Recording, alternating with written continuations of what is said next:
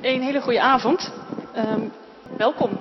Eh, ik, zo op het eerste gezicht zie ik heel veel generatiegenoten.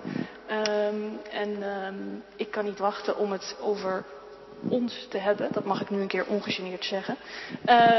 en daarvoor uh, zijn er vanavond drie sprekers. Die ga ik één voor één uh, introduceren. En daarna gaan we het gesprek aan met elkaar en met jullie ook in de zaal. Onze eerste spreker dat is uh, professor Marlie Huijer. Zij is emeritus hoogleraar publieksfilosofie aan de Erasmus Universiteit in Rotterdam. Uh, ze heeft een achtergrond in de geneeskunde. Uh, in 1985 studeerde ze af als ehm, huisarts. Dus dat was eigenlijk toen de eerste millennials het levenslicht zagen. Uh, er was geen plek op de arbeidsmarkt, heb ik, heb ik begrepen. Uh, dus zij ging filosofie studeren, is daarin afgestudeerd in, uh, ik weet niet in welk jaar, want dat staat niet op mijn, op mijn papiertje. Er volgde een ME in sociale filosofie en een PhD in de filosofie van de geneeskunde. Haar proefschrift ging over aids en de bestaansethiek van Foucault. Van 2015 tot 2017 was Huijer Denker des Vaderlands en tegenwoordig is ze voorzitter van de stichting Maand van de Filosofie. En ze is ook columnist voor Trouw. Daar schrijft ze elke twee weken een column voor. Haar onderzoek richt zich op de filosofie van mens en cultuur. En daarbij speelt de vraag hoe mensen tot ordeningen komen een centrale rol. Hoe ordenen, we, hoe ordenen wij de tijd? Is een vraag, denk ik, die bij veel van ons resoneert. En we zijn heel blij dat ze vanavond tijd heeft om met ons te praten over een generatie waar ze zelf niet toe behoort, maar ongetwijfeld veel over te zeggen heeft. Dus mag ik een applaus voor Marlie Huijer.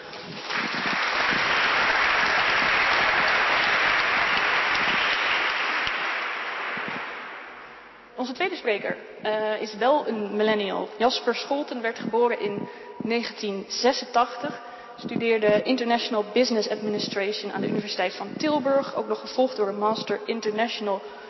Dit woord had ik op moeten zoeken. Lia. Vreselijk. Kan je het zelf misschien even zeggen? Liaison. En Communication aan de University of Westminster. En om wat bij te verdienen werkte hij als een soort rijdende rechter. En uh, deed als een ware meester Frank Visser boze buren in Tilburg weer met elkaar verzoenen. Uh, hij begon in 2013 als een HR-graduate bij Shell, maar moest na enkele jaren concluderen dat hij daar niet op zijn plek zat.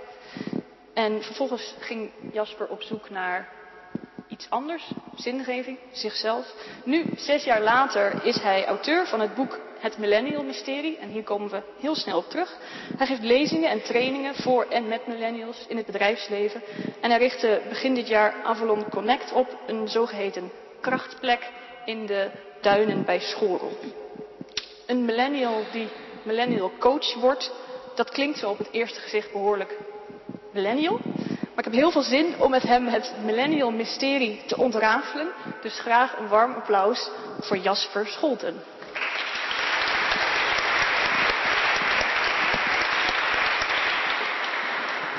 En dan onze derde en laatste gast is ook een millennial. Alain Verheij werd geboren in 1989, studeerde in 2012 af aan het Nederlands Gereformeerd Seminarie in Amersfoort en hij ronde twee jaar later een Research Master Hebrew Bible Studies aan de Universiteit Leiden af.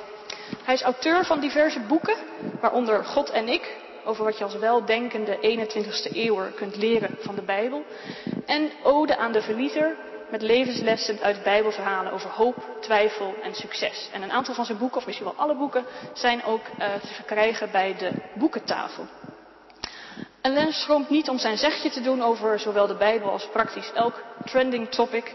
En hij doet dat vanaf de kansel, uh, via zijn Twitterkanaal, door middel van blogs en in allerhande interviews en ook podcasts. Een recensent van Trouw noemde hem de ultieme millennial theoloog voor een breed publiek. En dat klinkt als iemand die onmisbaar is in het debat van vanavond. Dus een hartelijk welkom ook voor Ellen Verheij.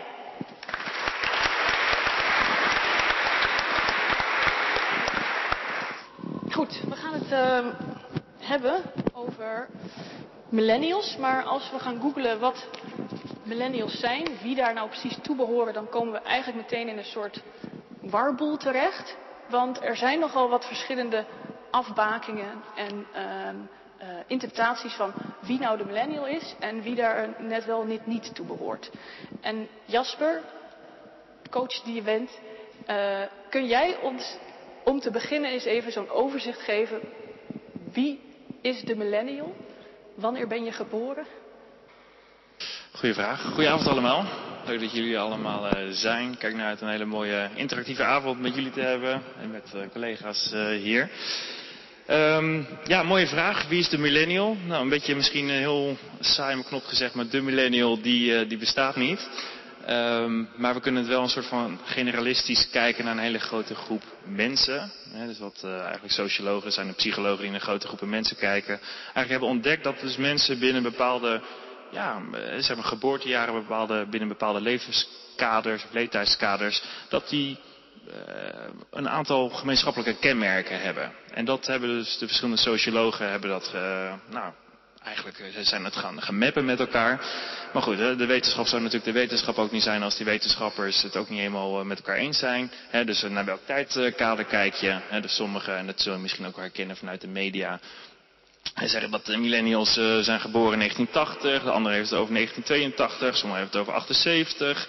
Um, nou, ik heb mijn onderzoek gebaseerd ook van mijn, uh, van mijn boek uh, op het werk van Aart Bontekoning en Henk Becker, ook hier vanuit Utrecht, een oud hoogleraar, dus die eigenlijk veel onderzoek hebben gedaan naar generaties. Want wat zij merkten is dat, en eigenlijk ook naar veel onderzoek, is dat 85% van de mensen dus binnen een bepaald tijdskader, en zij hebben dat eigenlijk iedere 15 jaar hier in Nederland gecategoriseerd, Um, ze zijn vanaf 1985 zien ze echt een duidelijke splitsing in, in kenmerken en in behoeften uh, ten opzichte van de generatie daarvoor. Uh, wat de pragmatische generatie van hen wordt genoemd, hè, 1970, 1985. Heb je dus de millennials 1985, 2000 en dan heb je daarna dus ook weer de generatie Z. Ja, ja. Dus 1985, 2000 ja. uh, zeg jij. Als het goed is, hebben jullie allemaal een uh, papiertje op je zitplek uh, met een rood en, rood en groen. Uh, want ik wil graag even inventariseren wie zit er hier. En dan, als je geboren bent tussen 1985 en 2000, hou dan even het groene kaartje in de lucht. Als je tot een andere generatie behoort, volgens deze terminologie, dan het rode kaartje. Oké, nou dat is heel verhelderend. Uh, wat zeggen jullie? Ik denk 90% hier is een, uh, is een millennial. 80. Uh, 85. 80, 50. Um, de mensen die geen millennial zijn, dus de pragmatische generatie, zeg jij, dat is 1970, 1985. Hebben we pragmaten, pragmaten onder ons? Ja? Een paar. Een stuk of wat? Zijn Als er. kaartje omdraaien? Ja. Nou, dat is duidelijk, denk ik. Um, en dan hebben we daarvoor ja, tussen 1955 en 1970 de generatie X. Hè, dus dat zijn vaak weer de ouders van millennials. X'ers? Ja. Ik zit op het randje. Hij zit op het randje, want ja. daarvoor krijgen we de... De boomers. De boomers, de boomers. inderdaad. Ja.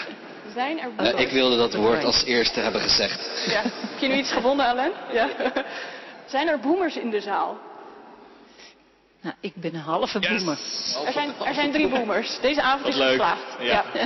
ja. um, even terug dus naar die millennials. Uh, het grootste gedeelte van jullie uh, behoort dus tot die generatie. En uh, ik heb een snel Google rondje gedaan en dan kom je binnen no time heel veel eigenschappen, of ik moet eigenlijk zeggen vermeende eigenschappen van deze millennials tegen. En um, daar wil ik even opnieuw een inventarisatie doen. Ik heb het op mijn papiertje genoemd de twaalf vinkjes van een millennial. Um, en um, ik noem ze één voor één op. Rustig, want we hebben geen uh, uh, scherm. En tel even mee van je, voor jezelf uh, aan hoeveel daarvan je voldoet. En dan gaan we daarna even kijken, um, nou ja, wie, wie, wie het grootste cliché in de zaal is. Nou, dat is heel onaardig geformuleerd.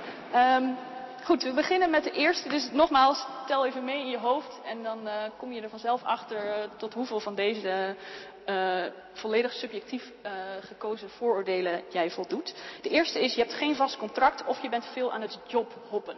Dus dat je regelmatig van baan verandert. Dat is de eerste. De tweede is, je hebt geen koophuis.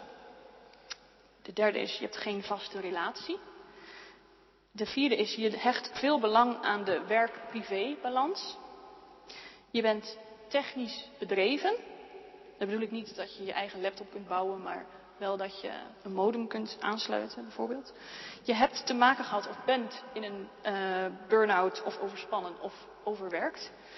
Um, je, hebt je hebt regelmatig een is dit alles gevoel. Je ervaart regelmatig stress. Je haakt af bij tegenslag. Je bent verwend. Je bent ongeduldig en je kan niet sparen. Oké, als het goed is heeft iedereen een getal in zijn hoofd. En ik ga dit als volgt doen. Ik begin met de vraag wie herkent ten minste één uh, van deze vooroordelen. En dan wil ik graag dus groene, dus iedereen die er tenminste één herkent. Als je er ook meer herkent, dan doe je ook je uh, kaartje in de lucht. En we gaan een soort afvalrace doen. Iedereen herkent in ieder geval wel één eigenschap. Wie herkent er twee? Wie herkent er wel drie? Wie herkent er vier? Wie herkent er vijf? Wie herkent er zes? Wie herkent er zeven? Wie herkent er acht? Dus waren er maar twaalf, hè? Wie herkent er negen? Ja, er zijn twee mensen over. Drie. Drie? Zie je er drie? Toch? Bij de Ja. daar nog. Ja. Oké, even afhankelijk. Wie herkent er... Wat, waar waren we? Negen. Wie herkent er tien? Er blijven twee mensen nu over. Eén, ja, twee mensen. Er zijn twee mensen in de zaal die aan tien van deze stereotypes voldoen. Dan hebben we heel goed nieuws voor je. Je hebt namelijk een exemplaar gewonnen van het Millennial Mysterie. Ehm, voor iedereen die niet eh, zo'n ontzettend wandelend millennial cliché is, eh, kan dit boek ook eh, gewoon aangeschaft worden bij de boekentafel. Maar deze twee heb jij meegenomen en zijn voor deze twee millennials. Dus die kom je na afloop, kom even naar ons toe of naar Jasper toe en dan eh, krijg je ze. En hij wil er vast ook wel eh, iets, in, iets leuks inzetten. Ali mag gelijk wat vragen. Ik ben gelijk heel nieuwsgierig. 11 of 12, is dat ook nog... over hoeveel punten ze herkennen? Wanneer zouden ze omlaag gaan? Ja, dus we waren bij de tien, hè? Ja. Na tien zou je omlaag gaan. En persoon achterin?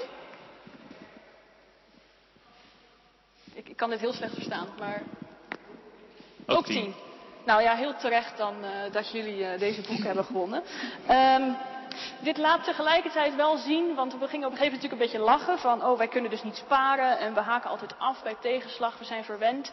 Ehm, die stereotypes kunnen ook snel uit de hand lopen. En ik zag er vandaag nog een voorbeeld van op eh, Twitter. Er ging een fragment viral uit het programma Dr. Kelder en Co.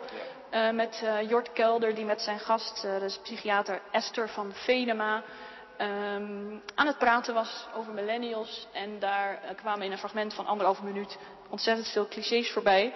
Ehm, tot en met dat bij de crisisdienst millennials komen die suicidaal zijn omdat ze hun tentamen niet hebben gehaald of hun huisdier dood is.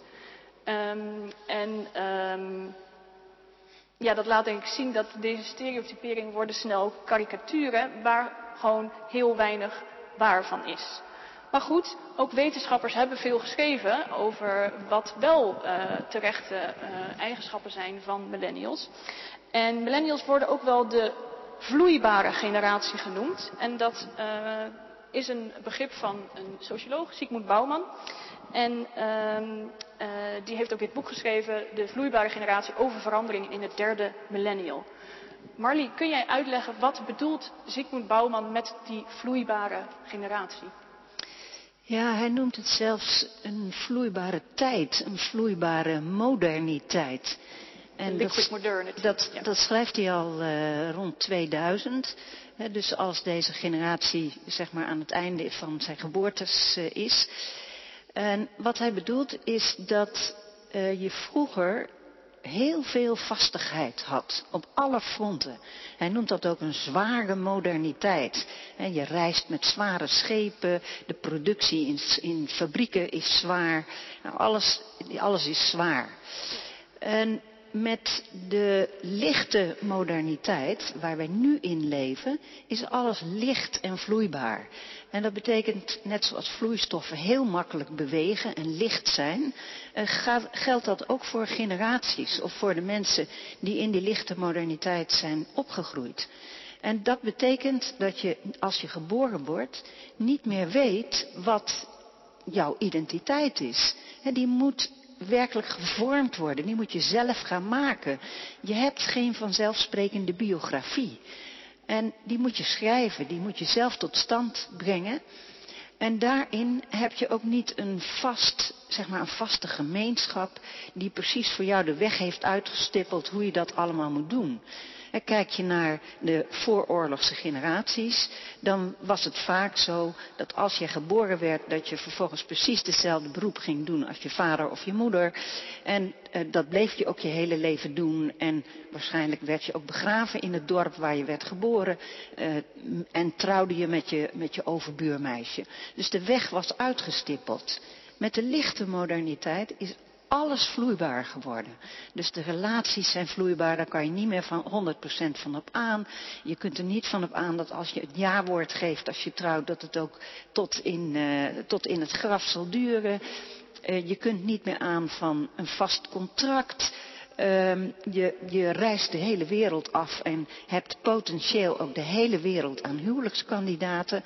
Uh, in plaats van alleen maar je, je, je overbuurmeisje. Ja. Uh, dus er zijn heel veel mogelijkheden, maar tegelijkertijd ook uh, is die vrijheid een enorme belemmering, want het betekent dat je alles uit jezelf moet halen. Ja. En Bouwman laat zien dat daarmee um, de, de babyboom-generatie, die nog bij de moderniteit, die meer bij die zware moderniteit hoort, en die een hele kritische visie heeft op de samenleving. En voor hun is emancipatie een heel belangrijk woord. Sociale stijging, je emanciperen als mens, zorgen dat de, de, eh, de, de, de overheid, et cetera, niet te veel invloed op je leven heeft, dat je vrij mag zijn als individu. En daar zit heel veel politieke strijd ook bij. Kijk je dan naar de huidige, of naar de millennials, dan zie je dat zij veel minder dat politieke ideaal hebben, ook veel minder geloven nog in vooruitgang of in emancipatie. En daardoor heel erg op zichzelf teruggeworpen worden. En dan krijg je een enorme vlucht aan zelfzorg, investeren in jezelf. Je wordt een soort um, BV-ik door, je moet eindeloos van alles en nog wat doen om maar te zorgen dat je je profileert, dat je iemand wordt, dat je een biografie krijgt. Ja, ja, Dat beschrijft hij in allerlei boeken, want hij heeft niet alleen Liquid Modernity, maar ook Liquid Life, Liquid um, Love. Nou ja, alles is vloeibaar. Alles wat vloeibaar kan zijn bij hem. Ja. Uh, Jasper, is dit het millennial mysterie waar jij over schrijft? Of uh, is dat nog iets anders? Herken je hier iets in? Jazeker. Um, wat ik heel sterk zie wat ik ook heel duidelijk in het uh, stuk van, van, van Marley hoor, is dat we eigenlijk hè, vanuit de geschiedenis, uh, hè, dat we eigenlijk altijd autoriteitsfiguren of systemen om ons heen hebben gehad. En dat ook, hè, de, denk ook de, de ontzuiling, misschien straks ook nog wel een mooie linkje hier natuurlijk ook uh, voor vanavond. Ja, dat inderdaad in één keer op onszelf worden gewezen. Hè, dat er in één keer heel veel eigen verantwoordelijkheid genomen moet worden. Maar dus ook, hè, als we kijken ook van hè, hoe is onze generatie opgevoed. Uh, ja, dat zijn met normen en waarden van hè, doe wat je gelukkig maakt. Uh, hard werken loont. Succes maakt gelukkig. Dus er zit ook een enorme verwachtingslat wat we ook hebben gekregen van onszelf. Ja, en als het niet lukt, ja, dan kan je tegenwoordig inderdaad in deze liquid maatschappij, kan je eigenlijk maar naar één iemand wijzen. En dan ben je zelf. En dus dat betekent dat er een, de verwachtingslat is heel hoog, dus daarmee dus eigenlijk de prestatiedruk is ook uh, heel hoog. Maar tegelijkertijd zijn we ook zoekende van oké, maar wat is dan dat, dat, dat, dat ideale leven? En ja, daarin zien we op een gegeven moment van, hè, dus dat uh, op zich, want hè, als we even een afstandje kijken, hebben we het als generatie, helemaal een historische uh, context, hebben we het ontzettend goed voor elkaar. Hè. We zitten in de top van onze welvaart, we hebben heel veel kansen, uh, gezondheidszorg, is voorzieningen eigenlijk voor, voor iedereen. Maar toch zijn we chronisch niet gelukkig. Als we kijken naar, naar de zinnigheidsvraagstuk, naar de burn-outs, zelfmoord is doodsoorzaak nummer één in, in, deze, uh, ja, in deze generatie. Dat ik denk van ja, maar what's going on? Ja. dat was eigenlijk mij het millennium mysterie. Ja, want eh, precies, jij maakte dit zelf eigenlijk ook uh, mee. Want jij had een, uh, ik noemde het net al, jij had een goede baan, maar liep daar ook vast, als het ware. Zeker. Ja, dus wat ik op een gegeven moment ook achteraf een beetje begon te zien. Hè, ik noem maar even het prestatiemaatschappijplaatje. Dus eigenlijk gewoon alle overtuigingen hè, die ik net al noemde, die we vanuit huis uit, vanuit onze omgeving, onderwijs, et cetera, allemaal meekrijgen ja, van het idee van, oké, okay, dus een, een, goede baan, dat is belangrijk. Het geeft stabiliteit, dat is ook iets wat we van onze ouders natuurlijk ook hebben meegekregen. Wat ergens natuurlijk ook weer niet gek is. Hè? Merkt dat hun ouders natuurlijk ook de Tweede Wereldoorlog hebben meegemaakt. Onze ouders generatie X, hè? iedere crisis die er geweest is, uh, zelf ook aan de lijve heeft uh, ondervonden. Um, ja, en dus dat er eigenlijk een idee is van, oh, ik ben pas gelukkig, hè, of mijn leven is pas geslaagd als ik eigenlijk al mijn levensdomeinen, of het nou mijn werk is, mijn relaties, mijn gezondheid, dat het eigenlijk allemaal een tien is. En nou, daar speelt werk natuurlijk een heel belangrijk onderdeel in, omdat dat ja, gewoon een heel groot deel van onze identiteit is. Maar daarin uh, ja, kwam ik in één keer zelf achter van, hey, dat idee, dat plaatje van wat ik had van wat, hoe een gelukkig en succesvol leven eruit zag, dat ik gewoon voelde van, maar ja, dit is niet mijn omgeving. Hè? Dat heeft niks te maken met mijn vorige werkgever. Dat zou ik waarschijnlijk in heel veel zeg maar, hele anglo-saxische profit maximization uh, companies hebben. Waar het gewoon niet, hè, waar de ziel eigenlijk wat meer uit de onderneming is. Waar het gaat over hè, kostenreductie en winstmaximalisatie. Maar gewoon minder om de mens. Ja, dat we eigenlijk gewoon meer robots eh, worden en als robots behandeld uh, worden. En ja, dat daar op een gegeven moment dat steeds meer gaat, gaat, gaat wringen. En dat, eh, ja, dat ondervond ik en dat kwam ik in één keer achter van, hé, hey, maar ik ben niet de enige millennial die hier uh, last van heeft. Hè. De quarterlife crisis, eh, misschien ook wel van gehoord. Ja, dus dat ja. Um, we komen zo meteen terug op wat jij nu doet. Um, Alain, jij, uh, ik noemde het net al, je wordt een millennial theoloog genoemd. Um, heb je zelf enig idee waarom? Is dat enkel omdat je tussen 1985 en, en 2000 bent geboren? Of zit dat wel in meerdere aspecten van jouw leven tot nu toe. Ja, het is niet zo dat ik altijd zoveel millennials in de kerk heb zitten. Niet Leuk dat jullie er zijn. Ja. um, nee, dat is omdat ik uit die generatie kom. Ik ben um, opgeleid tot Nederlands gereformeerd predikant. Dat is vrij uh, solide, of uh, hoe noem dit nou? Zwaar. Ja. Um, en dat had ook een duidelijke richting. Ik werd door Nederlands gereformeerde predikanten opgeleid om zelf een Nederlands gereformeerde predikant te worden. En zo zou dat dan tot in de eeuwigheid doorgaan. Maar ik ben gaan freelancen. En dat is voor in mijn vakgebied uh, niet zo uh, gebruikelijk, nee. denk ik. Nee. De freelance, uh, ja. Dus dat is misschien iets typisch millennial. Ja, ja, ja inderdaad. Um, nu, waren er een aantal mensen in de zaal die niet tot de millennial generatie behoren. En uh, ik, ik, kan me voorstellen dat zij denken van, nou ja, maar kijk, toen ik 30 was, wist ik ook niet volledig wat ik met mijn leven aan moest. En liep ik ook wel een beetje tegen dit soort thema's aan. In hoeverre is dit nou iets nieuws? We hebben, is natuurlijk al een beetje aangeraakt, maar is het ook niet zo dat elke dertiger vroeg of laat met dit soort vragen te maken heeft en dat ze ook weer overgaan? Hoe was dat voor jou toen, toen jij 30 was? Wat gebeurde er toen? Ja, ik was in 1985 uh, 30 en toen uh, geen huisarts begin, kon, uh, ja, het kon geen huisarts worden, maar uh, vanaf begin jaren 80 was er ook een enorme, ik geloof recessie dat het heette. Er was in ieder geval enorme werkloosheid, juist ook onder academici. dus heel veel uh, mensen die je kende moesten omscholen. Uh, velen gingen de informatica in, want dat was toen het nieuwe vak. Ja. En uh, ja, het idee, ik bedoel, een woning was er, zeker in de hoofdstad waar ik woon, nauwelijks te vinden. Dus er waren heel veel mensen die aan het kraken waren. Het idee dat je een huis kon kopen was helemaal heel ver weg. Um, en ja, ik merkte natuurlijk zelf ook van, ik kwam, het is min of meer toeval dat je een huisartsopleiding af hebt. En dat vervolgens vier maanden later de overheid besluit dat er geen nieuwe huisartsen meer bij mogen. Ja, weet je, sta je opeens ook werkloos op straat. En neem je gewoon elke baan die er is, neem je maar aan. Omdat je denkt, ja, ik moet toch brood op de plank hebben. Dus die onzekerheid, en het, ik vind dat wel interessant, want ik ben dan bijna of, of net een babyboomer. Maar ik heb bijna mijn hele leven flexibele arbeidscontracten gehad. Dus het idee dat babyboomers allemaal altijd een vaste baan hebben, is toch ook niet helemaal waar. En uh, Van Mulligen van uh, het CBS zei in februari dat uh, het idee vaak is dat millennials weinig inkomen hebben of het financieel heel slecht hebben. Maar dat is vergeleken met de babyboomers, maar alle generaties daarvoor, als ze rond de 30 zijn, helemaal niet waar. zij hebben nu op hun dertigste 60% meer inkomen dan dan de, de babyboomers en nog meer dan de generatie daarvoor. Dus ik weet niet helemaal, is dit nou inderdaad een levensfase van onzekerheid waar je doorheen gaat? En wat uiteindelijk ook allemaal wel weer goed komt. Kijk, laten we nou wel wezen. Mijn generatie en daarboven is over 30 jaar gewoon verdwenen. Dus die enorme bubs aan babyboomers ben je dan uh, ook wel kwijt. En dan zijn alle posities voor jullie en hebben wij niet zo heel veel meer te. Of wij, wij zijn gewoon stil in het graf. Dus ik, ik, ik denk van in die zin hebben jullie nog een hele toekomst voor je. Wat niet wegneemt dat jullie echt een veel onzekerder bestaan hebben in zijn algemeenheid dan de generaties daarvoor.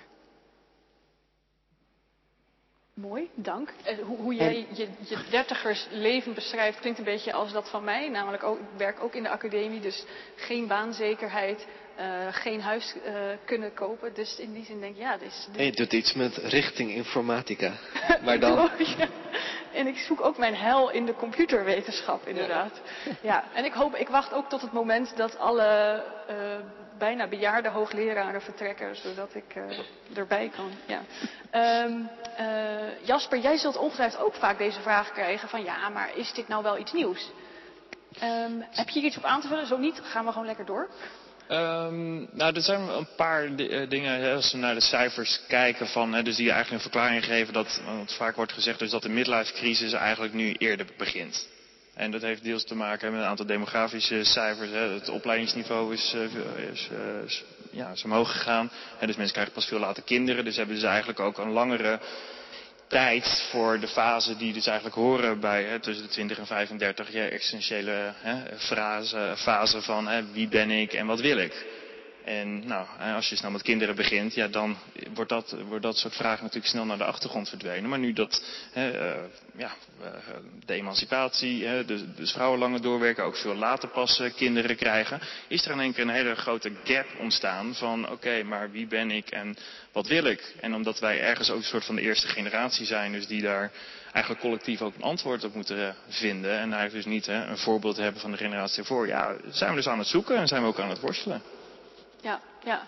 En uh, uh, Marlie zei net, als we kijken naar de cijfers, dan hebben eigenlijk veel meer mensen nu een, een vaste baan dan uh, destijds uh, de babyboomers. En dan, ik, ik maak het nu, ik probeer soepel Dit, heb, dit heb ik niet gezegd, hè? Sorry. Ze, hebben, ze hebben meer inkomen. Sorry, maar ik, ja, een vast denk, inkomen, dat was ja, het. Die, meer die vaste baan, ik denk juist dat er nu meer flexibele banen zijn dan toen. En meer ZZP'ers. Goed dat je me corrigeert. Uh, ik probeerde krampachtig een bruggetje te maken naar het, uh, naar het volgende onderwerp. Waarbij ik helemaal vergeten ben om te zeggen dat ik een soort structuur in mijn hoofd heb. Dat we eerst hebben gepraat over eigenlijk gewoon het begrip identiteit. Um, en dat we doorgaan naar een blokje uh, werk en carrière. Dat gebeurt dus nu. Uh, en uh, op een gegeven moment wil ik nog verder naar een blokje religie en zingeving. Um, en ik kijk ondertussen even in de zaal, want we willen natuurlijk ook de ruimte geven aan jullie om vragen te stellen. En um, nu hoop ik natuurlijk dat jullie dan vragen stellen die perfect aansluiten bij mijn structuur. Maar ik zal het je ook niet kwalijk nemen als je dat niet doet. Maar mocht je een vraag hebben die perfect aansluit bij wat er nu is gezegd, dan is daar nu even de tijd voor. En ik zie hier al vooraan een hand, dus er komt zo meteen een microfoon naar je toe. Oh ja, die moeten wij geven, dat is waar ook.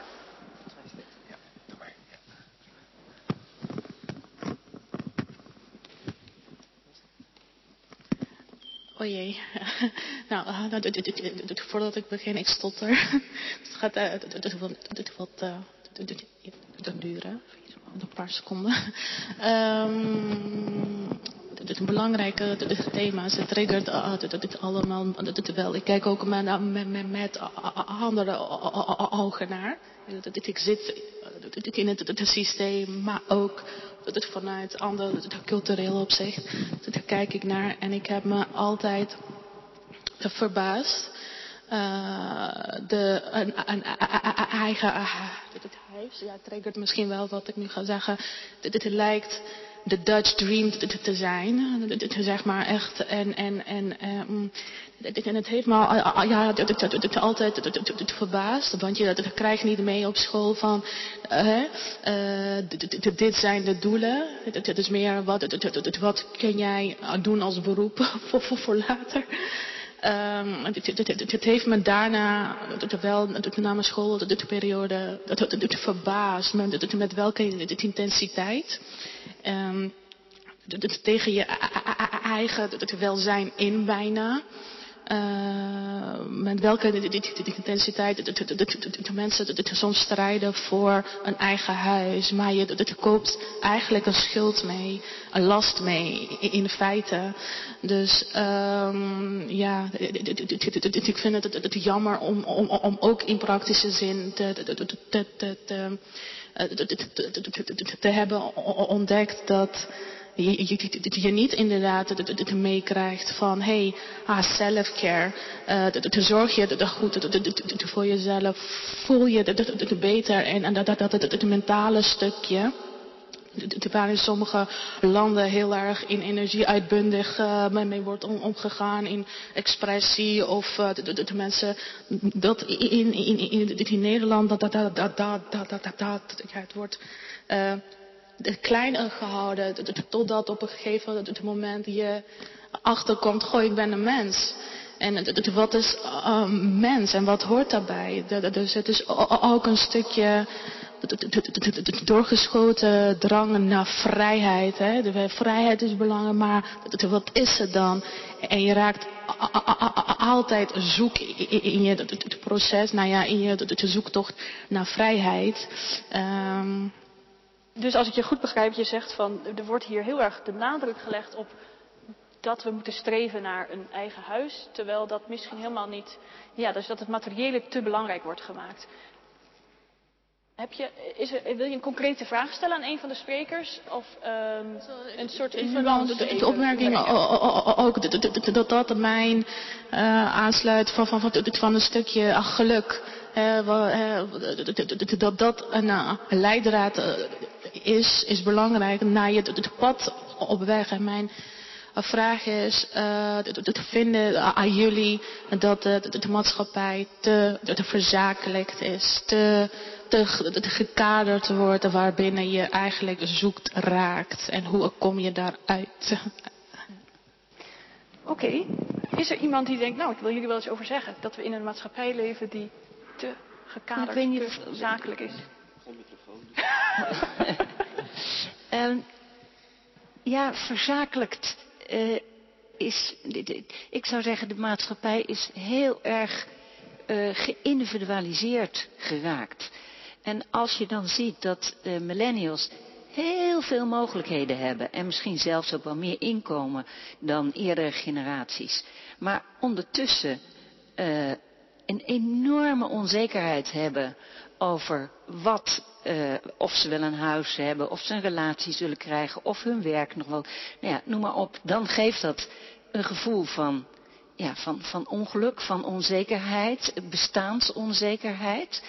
En daar sta je dan ook nog vaak alleen voor omdat die vanzelfsprekende sociale structuren heel erg weggevallen zijn in de samenleving. En als de sociale structuren en het sociale weefsel steeds dunner wordt en je dus niet dat gevoel hebt van ik hoor ergens bij of ik hoor bij een of andere gemeenschap, ik ben verbonden met anderen, dan is het zo ongelooflijk lastig om je leven als betekenis of zinvol te ervaren. En dat is denk ik wel iets wat voor millennials heel erg lastig is. En daar kun je als enkeling, kijk je kan als enkeling niet opeens zorgen dat er een samenleving is die minder individueel is. Of die minder uh, zakelijk en, en uh, vercommercialiseerd is. En ja, daar mis ik zelf soms, maar ik ben natuurlijk van een veel oudere generatie, die uh, sociale bewegingen of dat samen um, ja, politiek je organiseren of samen zorgen dat je als ZZP'ers uh, een vakbond hebt en noem maar op. Ik mis vaak de, de, de drive om politiek en sociaal actief te zijn bij millennials. En terwijl ik ze tegelijkertijd ook niet kan verwijten, want bedoel, jullie zijn er niet verantwoordelijk voor dat uh, het zo geïndividualiseerd is. Sterker nog, ik zou zeggen, mijn generatie is degene die verantwoordelijk is voor die enorme individualisering.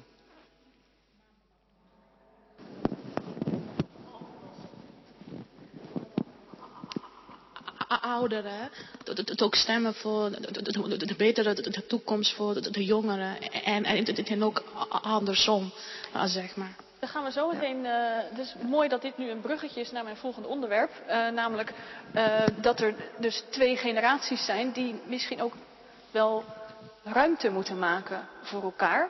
Uh, zometeen wordt dit een logisch bruggetje. Ik wil het hebben over werk en carrière. Uh, want een van die problemen, slash vooroordelen, slash bewezen eigenschap van millennials is um, dat we in ons werk binnen no time overwerkt zijn, overspannen, een burn-out hebben, niet weten of dit wel onze plek is. Um,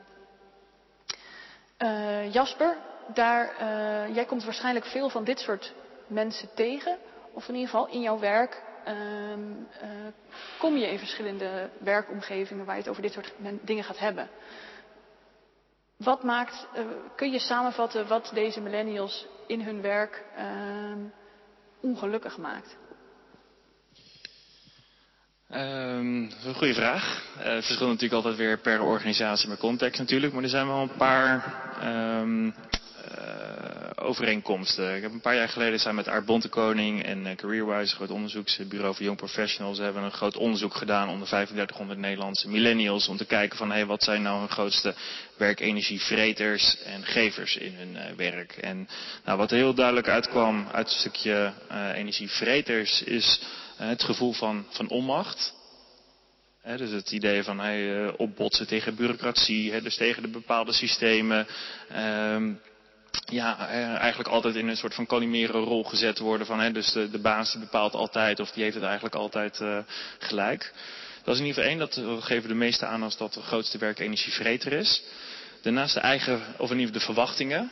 Nou, dan vervolgens hebben we ook gevraagd van, oké, maar welke verwachtingen heb je dan het meest last van? Is dat van je vrienden, van social media, van je leidinggevende? Maar uiteindelijk, het, het antwoord wat erop komt, is dat ze uiteindelijk het meest last hebben van de verwachting van zichzelf dus dat heeft ook weer te maken met het idee van het leven moet perfect zijn, alle levensdomeinen moeten een, een team zijn en dat ze daar eigenlijk tegenaan lopen en dat dat dus ook vertaald wordt in hun werk. Van ja, het werk moet een team zijn, het werk moet leuk zijn, het werk moet, je moet snel promotie maken en er moet zingeving in zitten.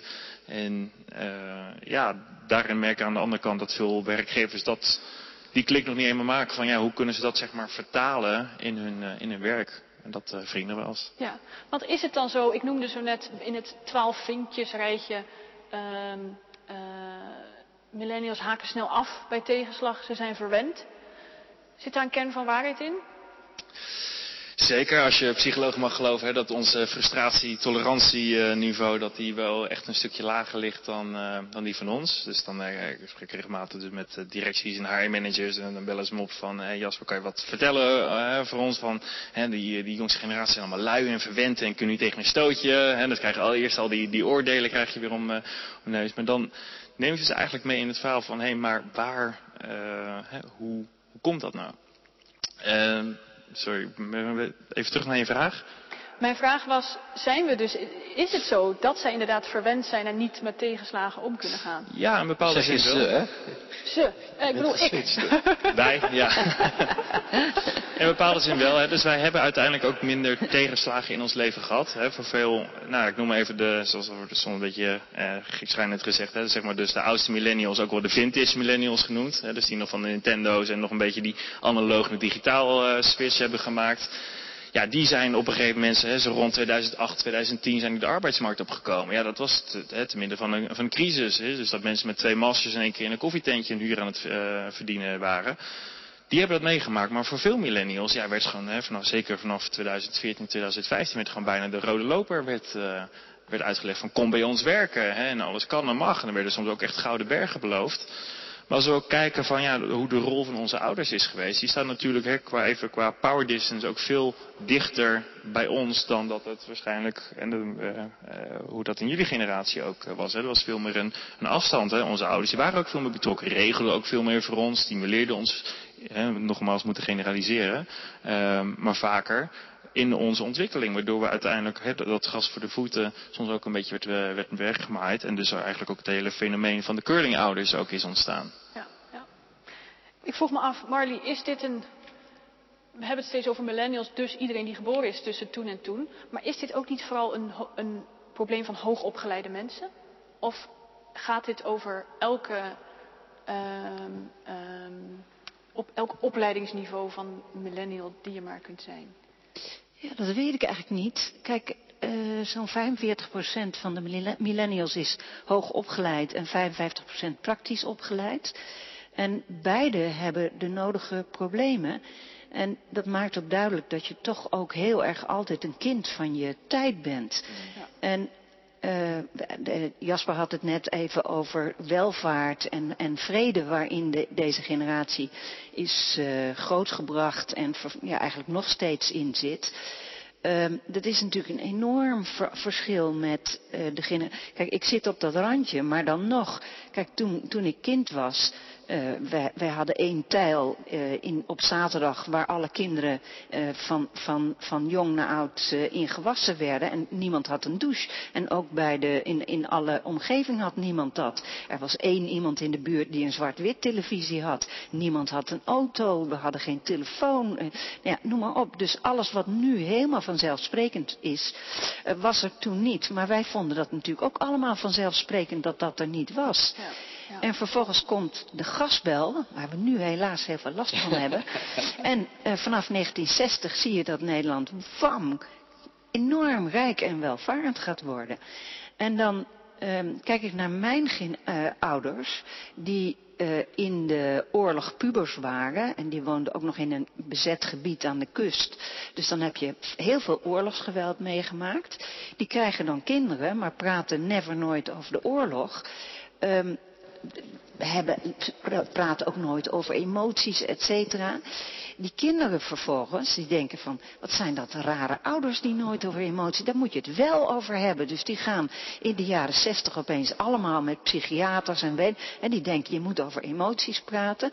Die krijgen dan vervolgens kinderen die van jongs af aan gewend zijn van, je moet over emoties praten.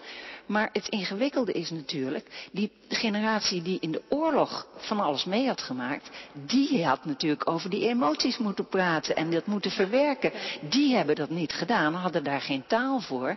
En nu heb je millennials die helemaal geen oorlog hebben meegemaakt, die in vrede en welvaart zijn opgevoed, maar die natuurlijk nog wel altijd die nasleep van emoties van eerdere generaties hebben. En ja, hoe, hoe, moet je daar dan, hoe moet je daarmee omgaan? Feitelijk is de verwachting, jij bent in zoveel welvaart en met zoveel vrede opgevoed, jij moet gewoon gelukkig zijn. Maar ja, mens is helemaal niet gemaakt om altijd gelukkig te zijn. Nee, nee. Maar je hebt ook denk ik wel wat je noemt, dat is een richting. Ik heb een vriend die naar China is geëmigreerd. Uh, en als ik naar zijn foto's kijk, zijn mensen daar hebben het minder welvarend dan ik. Maar ze hebben het gevoel, de richting is omhoog. Ja. Onze economie heeft een 30 jaren plan en dat is alleen maar groei, groei, groei, groei. Uh, voor de millennial generatie is dat niet meer het geval. Wij hebben denk ik niet het idee dat het zal blijven groeien. En als we daarmee zijn opgegroeid, uh, dan is dat idee nu wel weg. Ja. Na 2008 inderdaad was de vanzelfsprekendheid uh, dat de economie zou vooruit blijven gaan en dat die veilig was, is weggevallen voor mij ook 2001, uh, toen was ik 12 en dat die, die Twin Towers vielen en er aanslagen waren in Europese steden. Dat gaf het gevoel dat de, de westerse publieke ruimte niet zomaar zo veilig was als ik dacht. Dat waren voor mij wel twee kleine zondevallen. Ja. Ehm, en ik denk dat geen enkele millennial het idee heeft van de groei, hè, van de vooruitgang, het wederopbouwen van een land. Maar dat we meer, en generatie Z heeft dat nog veel erger, uh, op een vulkaan aan het dansen zijn. Qua ecologie natuurlijk, eventjes om uh, een belangrijk onderdeel te... En, en die, die richting, uh, die wakkert een verliesangst, denk ik, aan bij ons. En de angst om iets te verliezen wat je al hebt, is nou eenmaal veel groter dan de blijdschap dat je iets wint ja, wat je niet had verwacht. Ja. En dat is misschien ook een, een achtergrond die psychologisch zou meespelen. Dat is een mooie toevoeging, dank je. Um, is er, ik, ik kan me voorstellen dat uh, de werkenden in de zaal dat dit herkenbaar klinkt. Misschien ook juist niet. Is er iemand die een vraag wil stellen? En ja, hier vooraan.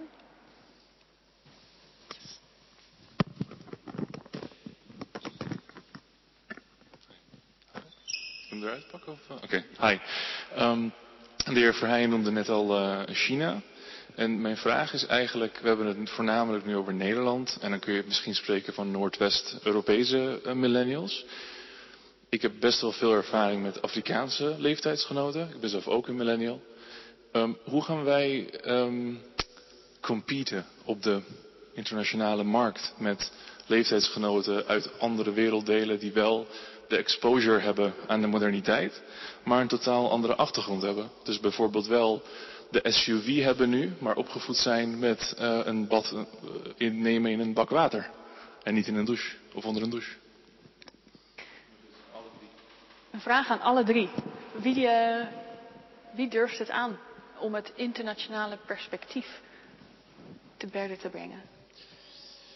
Dat is een hele interessante, hè? want vaak, ik krijg ook wel vaker de vraag van hoe zit dat inderdaad, uh, zijn de millennials, hoe zit dat daar hè? qua kenmerken, zijn die overeenkomstig in China of, uh, en ook in, Nederland of is dat echt een, een Nederlands stuk? Um, wat uit een aantal onderzoeken naar voren komt is dat, hè, ik noem even de, de westerse wereld, en met name eigenlijk van West-Europa en de VS en Canada en ook Australië. Daar zitten een hoop overeenkomsten, hè, met qua zingeving en de keuzestress, gaan ze maar door.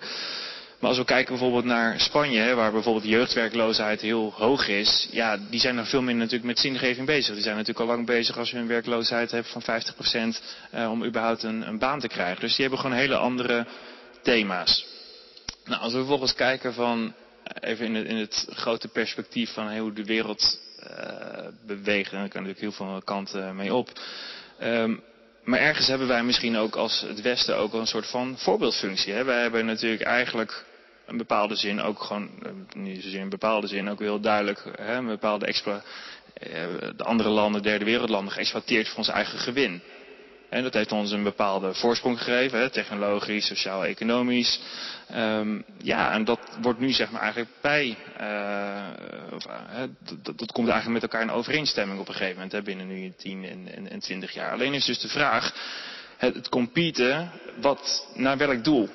Gaan we nog steeds in het kapitalistisch denken van he, profit maximization, he, de, zero-sum game van er is one winner en de rest, de rest zijn allemaal verliezers.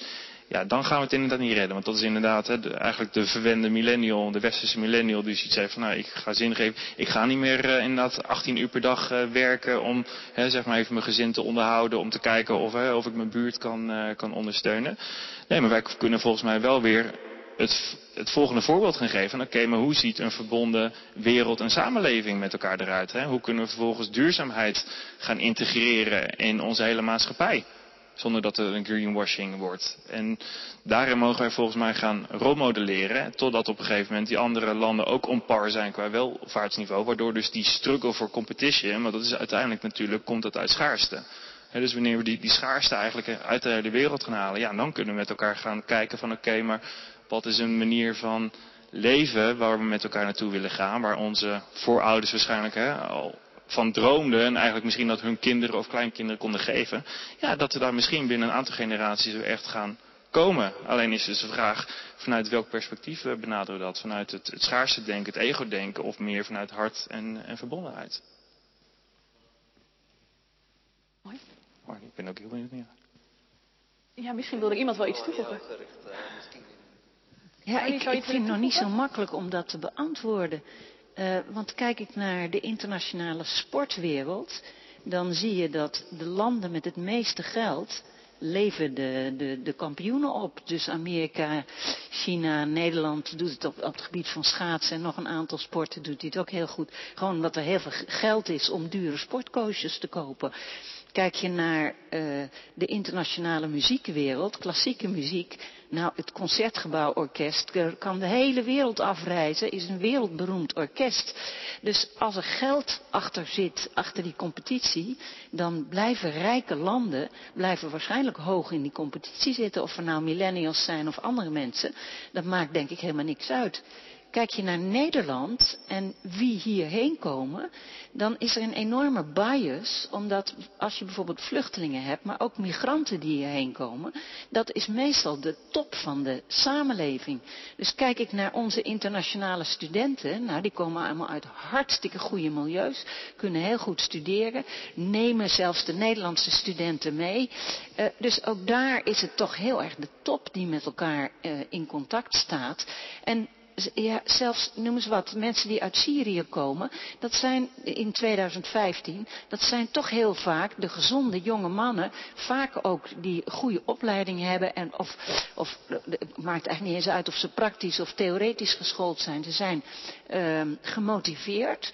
Dus wij hebben een hele specifieke groep. Uh, en dan zie je natuurlijk in Nederland ook nog eens een differentiatie in dat uh, Turkse mensen uh, wat sneller geneigd zijn om zelf economisch aan de gang te gaan. Iraniërs doen het ongelooflijk goed in de, in de top van allerlei. Nou ja, zo heb je ook nog wat culturele verschillen. Maar om nou overal te zeggen van er is een competitie straks gaande en daar gaan de Nederlandse millennials in of de West-Europese het in verliezen, lijkt mij onwaarschijnlijk, heel eerlijk gezegd. Is er een andere vraag uit de zaal die uh, mooi bij dit onderwerp past. Ik heb ook nog wel een, uh, een vraag over, uh, ik kan wel vasthouden, ja, over uh, werk en eigenlijk, ik proef een beetje jullie verhaal, dat merk ik ook bij mezelf, dat millennials het soms moeilijk vinden om tevreden te zijn met wat ze hebben. Dus altijd een soort ontevredenheid of een soort angst dat ze iets missen, dat er meer is, dat het anders moet. Hebben jullie ideeën hoe je dat op kan lossen, hoe je daar een soort rust in kan vinden in jezelf? Ik heb er eentje. Uh, nou, ik heb er een paar. Um, wil je de geluksformule weten? Dat kan. um, geluk is realiteit minus verwachtingen. Geluk is realiteit minus verwachtingen. Een kleine spoiler alert als je nog allerlei boeken wil lezen en filmpjes kijken over geluk en uh, hoe vind je dat nou. Um, wat eigenlijk een kenmerk is van millennials, is dat wij dus chronisch te hoge verwachtingen hebben. Hè, van onszelf, hè, van over onze relaties, over onze gezondheid, ons werk. Ja, en als de realiteit dus anders is dan je verwachtingen, dan ontstaat er dus constant een frictie en zijn dus consequent dus niet tevreden. Hè. Dus er is sowieso een manier dus om dus je, je verwachtingen eigenlijk omlaag te brengen. Maar je kunt natuurlijk ook je realiteit boosten. En dat kan dus bijvoorbeeld gewoon door iedere dag ook juist een stuk van, van dankbaarheid gaan, gaan ontwikkelen. Of het nou, meditatie is, hoe je het ook allemaal wil noemen. Maar gewoon echt even stilstaan voor hetgeen wat je wel hebt. In plaats van hetgeen wat je niet hebt. Want die focus op wat je niet hebt is natuurlijk ook voedt uiteindelijk ook alleen maar het schaarste gevoel. En van het idee van ja, ik, uh, ik ben er nog niet helemaal. Alain, wat zegt de dominee? Uh, ja, nee, we hebben, we hebben, voor een deel hebben we niet een millennial probleem, maar een kapitalisme probleem. Uh, en dat is volgens mij ook een olifant in de kamer. Uh, hoe manage je je verwachtingen? En wie creëert die verwachtingen? We leven in een publieke ruimte die vergeven is van de onzinreclames. Die mij vertellen dat ik gelukkiger zou moeten zijn. Als ik dit koop, als ik dat doe, als ik me daarbij aansluit, dan ben ik net wat gelukkiger dan nu. Dus elke reclame die ik zie, zegt mij dat er iets aan mij ontbreekt.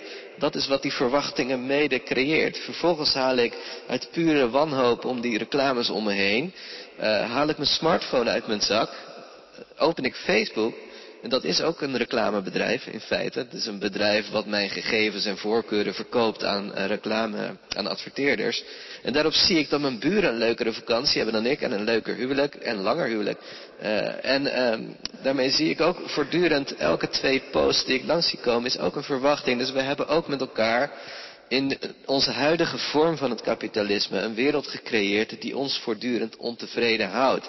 En dan gaan we vervolgens onszelf zitten psychologiseren dat onze verwachtingen te hoog zijn. Maar wie hebben dat in ons geplant? Dat is denk ik een groter systeem. Wat dat betreft sluit ik me aan bij Marley dat er politiek ook wat zou moeten gebeuren. Dat er een organisatie zou moeten komen. Maar daarvoor zijn die millennials veel te murf en cynisch geworden. Omdat het vertrouwen in de politiek zo klein is. Omdat die politiek ons heeft overgeleverd aan de bedrijven die die onvrede in ons aanwakkeren. Dat is even mijn bescheiden theologische duit in het zakje. Nou, die is heel welkom, dankjewel. Um, ik wilde vragen van, ja, wat moeten we dan doen? Uh, en jij sluit er eigenlijk al aan bij wat Marlie zei, van we moeten de politiek in. Uh, of we moeten, we zouden... kapitalisme moet... Je moet wel in de microfoon praten. Ja. Ja, het is een zekere beeldenstorm nodig. Wij accepteren het systeem waarin we leven en we psychologiseren onszelf. En het zou misschien andersom moeten zijn. Niet zo het psychologiseren van jezelf en het problematiseren van je eigen generatie. eh, Maar het problematiseren van de omgeving die om ons heen is gecreëerd. En misschien eens wat minder naar onszelf kijken. Maar dat is, dat is wat je daaraan zou kunnen doen. Je kunt ook natuurlijk gewoon reclamehokjes saboteren. Lichtmasten, neon, alles. Ja, nou, stemrecht. Stemrecht, we inderdaad. En stemparticipatie eh, ja. van jongeren in de politiek. Ja. Maar het is inderdaad zo, zou ik zeggen, als, zodra je je ongelukkig voelt, moet je niet denken wat is er mis met mij, maar wat is er mis met die sociale omgeving. Nou, alleen al die klimaatveranderingen en die nu op ons afkomt. Ik, ik, als ik nu millennial was, zou ik daar behoorlijk onzeker, angstig en noem maar op wat van worden. Ik denk zelf natuurlijk, nou ja, dat, eh, voor mij... Ik, ik, mij de zondvloed. ja, naar mij de zondvloed. Wat geen reden is om niet heel erg daarmee bezig te zijn hoor. Maar, maar ik, ik, ik zou dus zeggen, denk onmiddellijk wat is er mis met de samenleving. En hoe kan ik met mij, met mijn omgeving organiseren om daar actief aan bij te dragen, om daar iets aan te veranderen. Ja, ja. En ehm er lijken toch veel mensen vooral bezig te zijn van inderdaad, eh, hoe, hoe, hoe word ik gelukkiger en zo. Ehm, een voorbeeld daarvan is denk ik ehm, het verschijnsel. Het verschijnsel Jasper, het verschijnsel de coach. nee, nu ga ik het op jou stellen. Nee. Ik wil het even over de coach hebben. Je bent er één. Eh, tenminste, je, je, ik denk dat je jezelf ook wel in de markt zet als millennial coach. Of misschien hebben andere mensen jou een beetje dat label gegeven. Coach, eerlijk gezegd, dat gebruik ik al een paar jaar niet meer, meer eh, zeg maar trainen en, eh, en spreken. Dat is eigenlijk mijn hoofdfocus. maar zeg maar wel een stukje coach, maar daar gaat even de vraag over. gaan. Ja, ehm, nou, ehm, ik herinner me, zoals waarschijnlijk veel van jullie, een, een fragmentje van de avondshow van Arjen Lubach, die eh, een, een eh, item had over het aantal coaches in Nederland. Dat was in tien jaar tijd eh, van, wat was het, 44.000 naar 96.000 gegaan. Terwijl we een groot tekort hebben in allerlei andere arbeids, hoe werkvelden.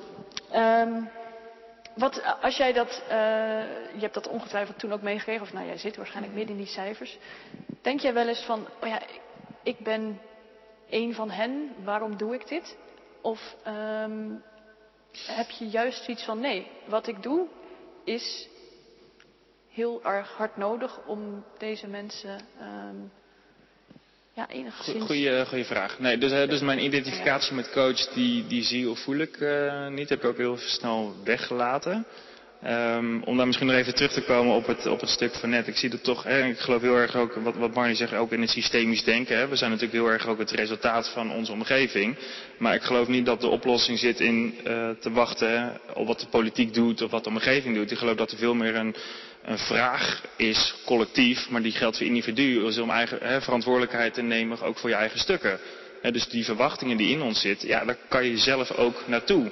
Dat we die geprogrammeerd hebben, dus door de tv, door onze opvoeding, door de leraren, social media. Oké, maar dan mag je nog steeds, kan je er zelf verantwoordelijkheid over nemen, wat, waar persoonlijke ontwikkeling over gaat, om daarna te kijken, helemaal van, hé, heb ik er last van of niet? Dus eigenlijk waar we ook eerder vandaan kwamen van hoe de maatschappij eigenlijk aan het bewegen is. En waar we eigenlijk nou ja, eh, eeuwenlang eigenlijk altijd geleund hebben op autoriteitsfiguren of autoriteitssystemen. Hè. Of nou de dokter was of de dominee of eh, de, de politicus of de burgemeester. Ja, wordt nu eigenlijk een beroep gedaan op onze eigen verantwoordelijkheid. En dat vinden we best wel lastig. Maar dat betekent dus ook van, er zit natuurlijk een bepaalde mate, eigenlijk het spectrum van hè, tot hoe ver dat gaat. Want hè, de geloof in de maakbaarheid van je eigen leven, dat is een illusie. ik geloof wel een bepaalde soort van stuurbaarheid van het leven. En ja, we, kunnen ook zeker in die stuurbaarheid inderdaad met elkaar uh, groeperen. En eigenlijk ook he, gelijkgestemden weer ontmoeten. Zoiets van oké, okay, maar wij zien allemaal hetzelfde, we willen iets anders. Dan mogen we dat inderdaad ook met elkaar stappen in, uh, in gaan maken.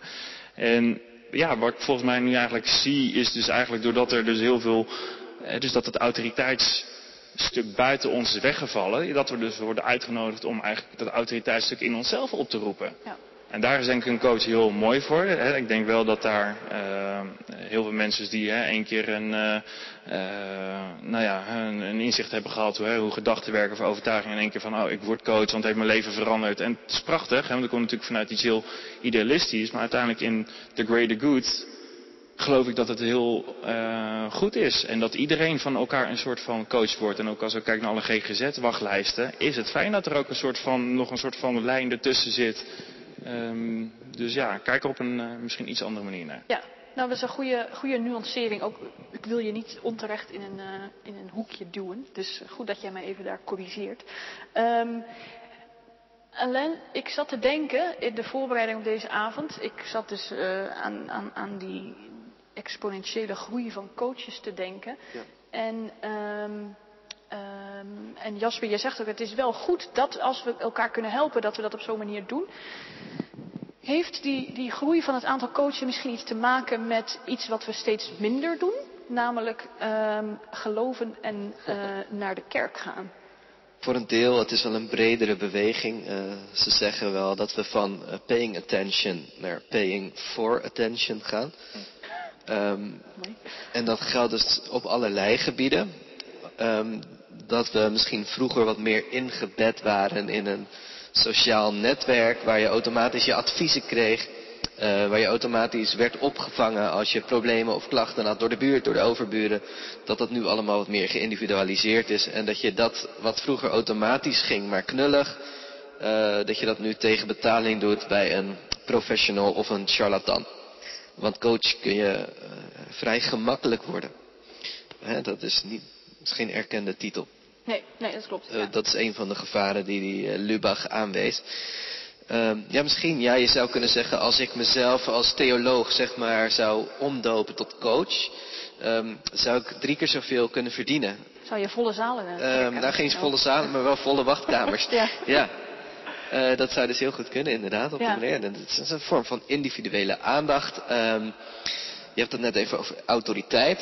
Um, aan predikantschap en theoloog zijn ook hing vroeger in ieder geval vrij veel autoriteit. Het is een erfenis waar ik nog steeds uh, tegenaan uh, box. Ja, want als ik zeg dat ik dat werk doe, kijken ze eerst heel verbaasd. Je bent geen oude boze man. Een opgeheven vinger, ja die heb ik wel. Ja. Opgeheven vingertje. Je draagt geen pak? Uh, nee, inderdaad, draag geen pak. Ook geen toga. Um, dus wat dat betreft, ja, dat is allemaal een beetje minder geworden. En um, Nee, ik denk wel degelijk. Kijk, uh, onderdeel van de sociale structuur waar we allemaal uh, in zaten, of in ieder geval die heel vrij toegankelijk was, uh, dat waren geloofsgemeenschappen ook. Waar je naar elkaar omzag, elkaar een klein beetje controleerde. het viel je op als iemand een paar weken niet was geweest. Hè? Wat, is er, wat speelt er daar? Je wist van elkaar hoeveel kinderen je had, want die bracht je voor in de kerk, die werden gedoopt. op die manier had je vrij automatisch een gemeenschap om je heen. Ja, ja.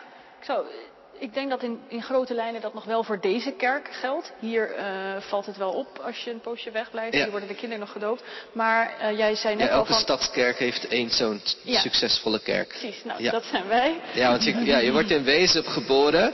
Je gaat naar de middelbare school in Zwolle. En dan ga je studeren in Utrecht. En een groot deel van de mensen uit Wezep en al dat soort dorpen verliest het geloof gaandeweg tussen Wezep, Zwolle en Utrecht in. En een klein deel houdt het over, blijft allemaal in Utrecht hangen. En dan heb je één, ja, Rotterdam heeft er één, Utrecht heeft er één. Ja, ja, precies. Ja. Is mooi hoor, maar... Um, bedankt. um, ja, dus kijk, de, de, cijfers van het CBS die laten elk jaar zien dat er steeds meer mensen niet gelovig ja, zijn in ja. Nederland. Uh, wat is het? In, in 2021 was dat 55 procent. Uh, en wat, jij uh, herkent die cijfers dus wel in jouw werkomgeving. Ja, die zie ik, ja. Ja, dat zie jij gewoon voor je ja. ogen gebeuren. Ja, ja ik verkoop ja. mijn boeken en die heb ik geschreven in in eh, samenwerking met een millennial. Mijn redactrice en uitgever is een millennial, eh, die overigens niet religieus is. Hebben die boeken samen gemaakt en eigenlijk gemarkt voor haar doelgroep. Voor de millennial die eigenlijk niet per se gelooft, maar er ook geen allergie naar heeft. En dat is een heel typisch kenmerk van millennials als het gaat over geloof in het Westen. En ze hebben geen kerkelijke allergie meer van vroeger. Dat hadden hun ouders misschien of opa en oma. Nou, die boeken verkoop ik niet aan millennials. Eh, je kunt ze straks bij de uitgang zien, hoorde ik. Ehm, Kopen dus ook. Ja. maar ik verkoop ze aan de oma's van millennials. Dan zeg ik, kan je hem signeren op naam van Danny? Ehm, dan geef ik het met kerst aan Danny. Eh, en dat doe ik dan. En ik weet niet of Danny dat boek ooit gaat lezen. Nee, en dan nee. zegt ze, ja, als Danny hier was geweest, had hij het een fantastische eh, eh, viering gevonden. Zeg maar, Danny is hier niet, hè? Dat is er niet. Nee, nee. Nee, Ja. dat is een beetje mijn ervaring met millennials. Ehm, Ja. Ehm, ik, ik heb hier een stapeltje boeken liggen en ook een editie van het tijdschrift. Contextueel heet het. Eh, tijdschrift voor gereformeerd beleiden. En, oh, gereformeerd beleiden nu staat er. Dit gedrukt ook. En dit gaat over de vloeibare generatie. Nou, dan weten we wel waar dat eh, over gaat. Namelijk over de millennial. En eh, in, dit, in deze editie wordt aandacht gegeven aan een boek van Ruth Perrin. Die twee jaar geleden een boek schreef. Changing Shape. The Faith Lives of Millennials. En zij interviewde bijna 50 ex-protestantse millennials uit het Verenigd Koninkrijk. Dus niet Nederland, maar het Verenigd Koninkrijk. En zij vroeg naar hun geloofsreis en hun geloofsontwikkeling. En ze had eigenlijk in op drie kernwaarden ehm, van millennials. Authenticiteit, tolerantie en participatie. Ehm, jij, je, je, bent hier, je Ja. kunt hier een paar dingen over zeggen. Hoe, hoe verhouden die begrippen, wat wordt ermee bedoeld met die begrippen? Ja, dus de, de, de eis eigenlijk is dat als je in een kerk komt, dat het echt is. Er moet niet een show worden opgevoerd, er moet echt zijn, er moet echt over gevoelens kunnen worden gepraat. En een belangrijke beweging waar ik zelf ook onderdeel van hoop te zijn geweest, is dat je meer over je twijfels kunt praten. Je hoeft het niet allemaal zo zeker te weten als je naar de kerk komt. Hè, dat is, laten we eens eerlijk zijn tegenover elkaar. Dus dat is die authenticiteit. Maar ook, ja, ik zit niet in de kerk omdat mijn ouders er zaten. Ik zit er ook niet omdat het hoort. Ik zit er omdat ik dat echt wil. Maar wat nou als ik het niet echt wil? Dan ga ik ook niet meer. Dan blijf ik lekker weg. Authenticiteit heeft daar dus ook mee te maken. Ja. Participatie heeft te maken met nou, dat je geen beleid uitzet en een drie punten preek houdt. Waar we allemaal van moeten leren. En dan gaan we weer naar buiten. Nee, je mag meedoen. Je mag meepraten. Eh, opvallend onderdeel van haar bevindingen waren van eh, Ruth Perrin. Dat millennials eh, eigenlijk graag vriendschappen bleken op te bouwen met oudere kerkgangers. Dus door de generaties heen. Ze woonden niet meer in Wezep bij opa en oma en hun ouders. Maar dat betekende wel dat ze, ze hoefden niet per se alleen maar met oud-studenten uit dezelfde generatie om te gaan. Ze wilden ook wel een soort verbindingen aangaan met oudere generaties. Dus waar dat gebeurde was er eh, succes voor de millennial. Ja, Juist ja, wat eh, ja. ja, mentors ook en zorg voor elkaar mee kunnen doen. Eh, en daarbij een soort maatschappelijke betrokkenheid. De kerk moet bestaan uit mensen die ook daadwerkelijk goed leven. Leven als christen. Anders zijn ze ontmaskerd en dan is die kerk niks meer waard. Omkijken naar de Ja, armen. omkijken naar de armen ja, en het klimaat, nee, eh, klimaatbewust. Hè, dus eh, een maatschappelijk betrokken kerk die niet alleen maar naar het eigen zieltje kijkt, maar ook naar de wereld eromheen. Ja, Dat zijn ja. de, de, de dingen die zijn- millennials bleken ja. te willen. Ja. Wat zij op een gegeven moment zegt is dat jonge mensen memoryless zijn als het om eh, religie gaat. Dus dat zij eigenlijk geen, ehm, dat ze überhaupt niet zoveel kennis of eigenlijk geheugen hebben. Dus de eerdere generaties die willen zich, hebben zich los willen maken van de Ja. onderdrukking van religie. Eh, maar millennials en jongeren die hebben eigenlijk weinig kennis van religie en geloof. Ehm, dat zul jij herkennen Ja, en zeker, eh, ja. eh, onderschrijven. Maar biedt dan misschien die memorylessness niet juist kansen, dacht ik? Eh, als ik om me heen kijk, maar nogmaals, ik zit ook maar in een bubbel, eh, maar ik lees wel veel boeken. ehm, dan zie ik ook juist een, een groeiende eh, nieuwsgierigheid naar religie. En misschien ook breder wel zingeving, daar kunnen we het over hebben. Ik eh, zag een paar weken geleden, zoals misschien wel meer van jullie, eh, de editie van Zomergasten met Lieke Marsman. En Lieke Marsman is onze dichter, dichteres des vaderlands.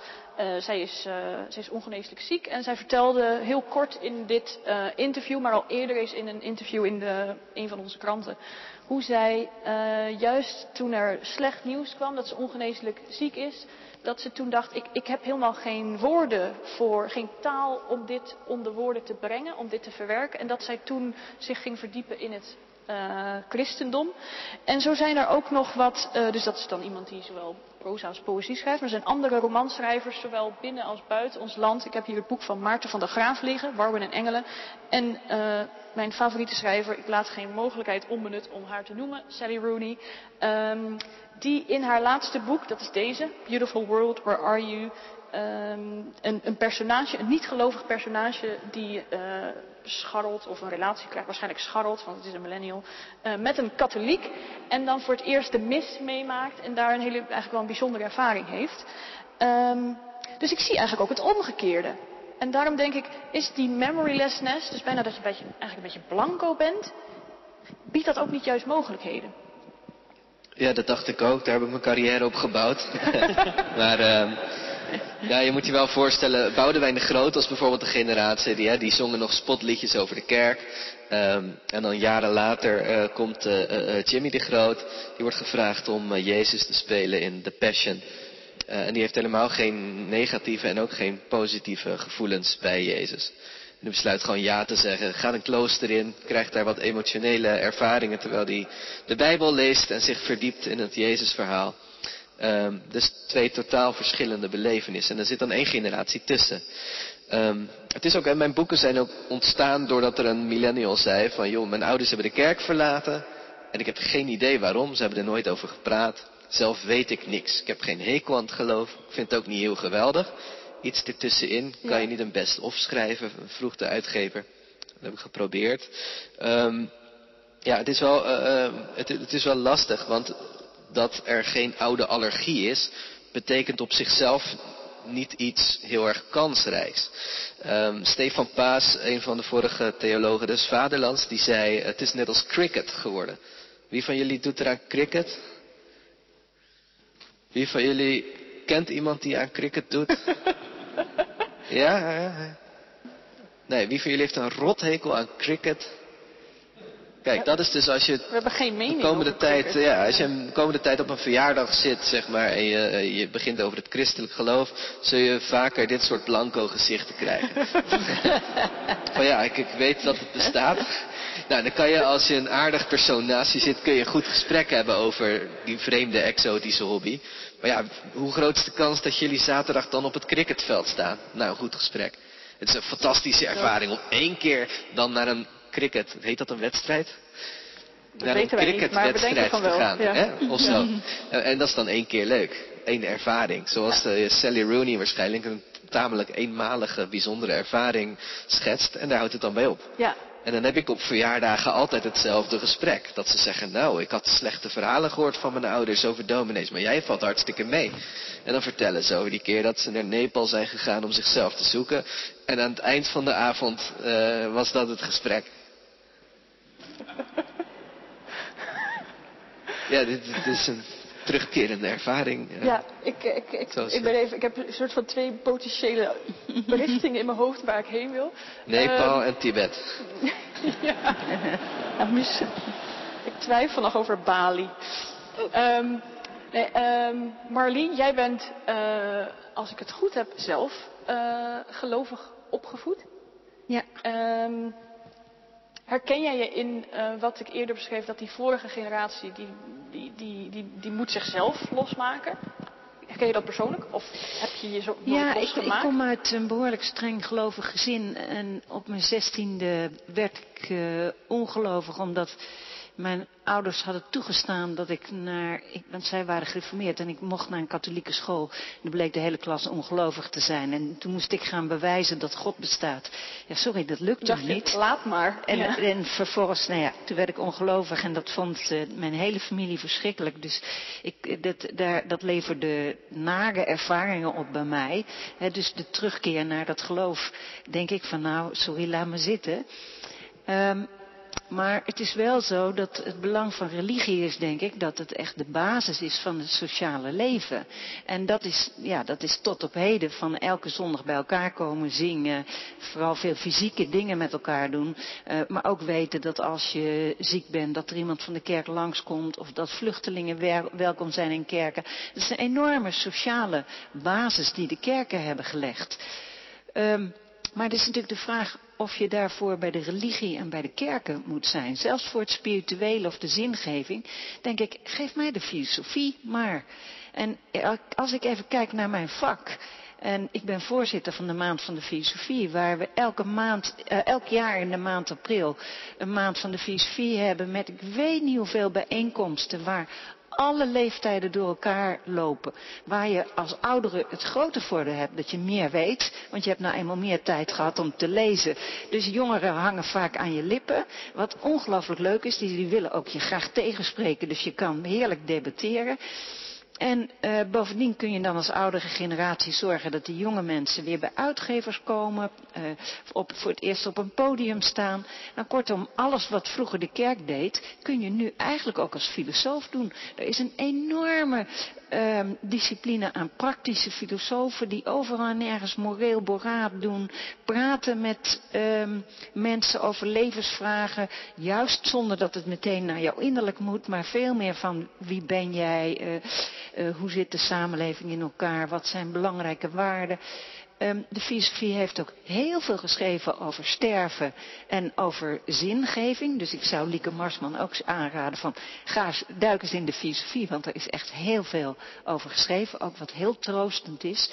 Dus voor mij hoef je niet terug naar de religie. Nee, nee dat is duidelijk. En um, uh, Jasper, uh, dat doet mij denken aan jouw, um, hoe noemde ik het net? Kracht krachtplek Avalon Connect. Volgens mij noemen jullie het op, jullie, op de website zo. Op de website staat Avalon is een krachtplek, ja, staat het, waar gelijkgestemden kunnen samenkomen om op te laden, te groeien en geïnspireerd te worden. Avalon heeft hier verschillende ruimtes, programma's en ervaringen voor ingericht. Ik keek ook even op de website van uh, de Jacobikerk. Hoe introduceren zij zichzelf? Uh, daar staat, de Jacobikerk is een toegankelijke gemeenschap die open staat voor nieuwkomers en geïnteresseerden. Je bent welkom om de boodschap van de Bijbel te horen, vragen te stellen en met ons het gemeenteleven te beleven of mensen te ontmoeten. Ik, ik hoorde al wat overeenkomsten. Mooie, hè? de copywriters van tegenwoordig. uh, ja, ja dan moet je, jij moet waarschijnlijk hen bedanken. Ja. Um, is uh, wat jou betreft uh, deze krachtplek een, een, zeg maar een, derde alternatief, een tweede alternatief, zoals Marlie zegt van, maar we hebben ook de filosofie. Um, wat, is, wat is jouw religie? Dat is mijn religie.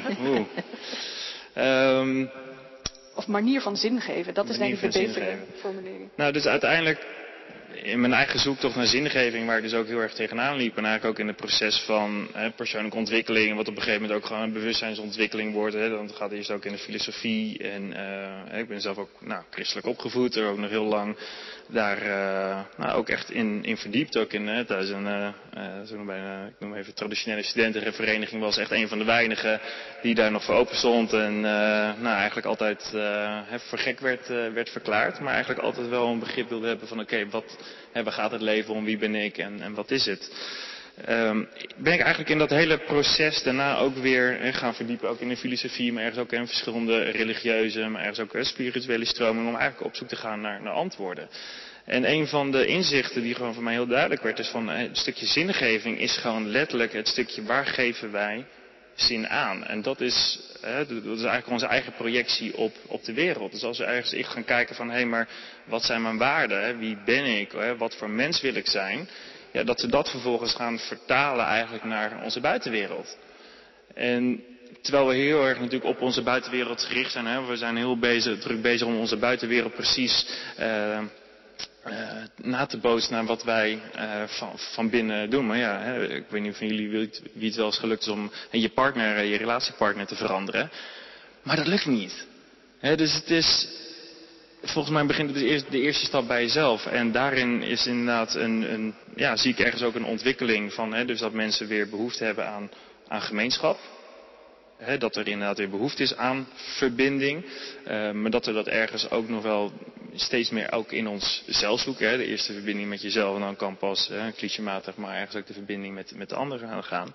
Ja, waarbij in ieder geval nu, hè, dat is een beetje een soort van uit de hand gelopen coronagrap. Uh, ik zal uh, de story een beetje bewaren. Maar in ieder geval heel synchronistisch zijn we in, in school terecht gekomen. En dat we daar merkten van ja, maar het is, een, het is een plek waar mensen gewoon als ze aankwamen gewoon zoiets van die gewoon landen gewoon uit hun hoofd kwamen. En gewoon van ah, kom eindelijk tot, tot rust. En dat we dachten ja, maar dit is een plek die we heel graag willen delen. En hoe kunnen we mensen eigenlijk weer helpen herinneren hè, wie ze zijn en waarom ze hier zijn. Eigenlijk die essentiële vraag. Daar spelen wij nu uh, nou ja, spelen op in. In ieder geval daar bieden wij van alles uh, voor aan. Ja, ja. mooi.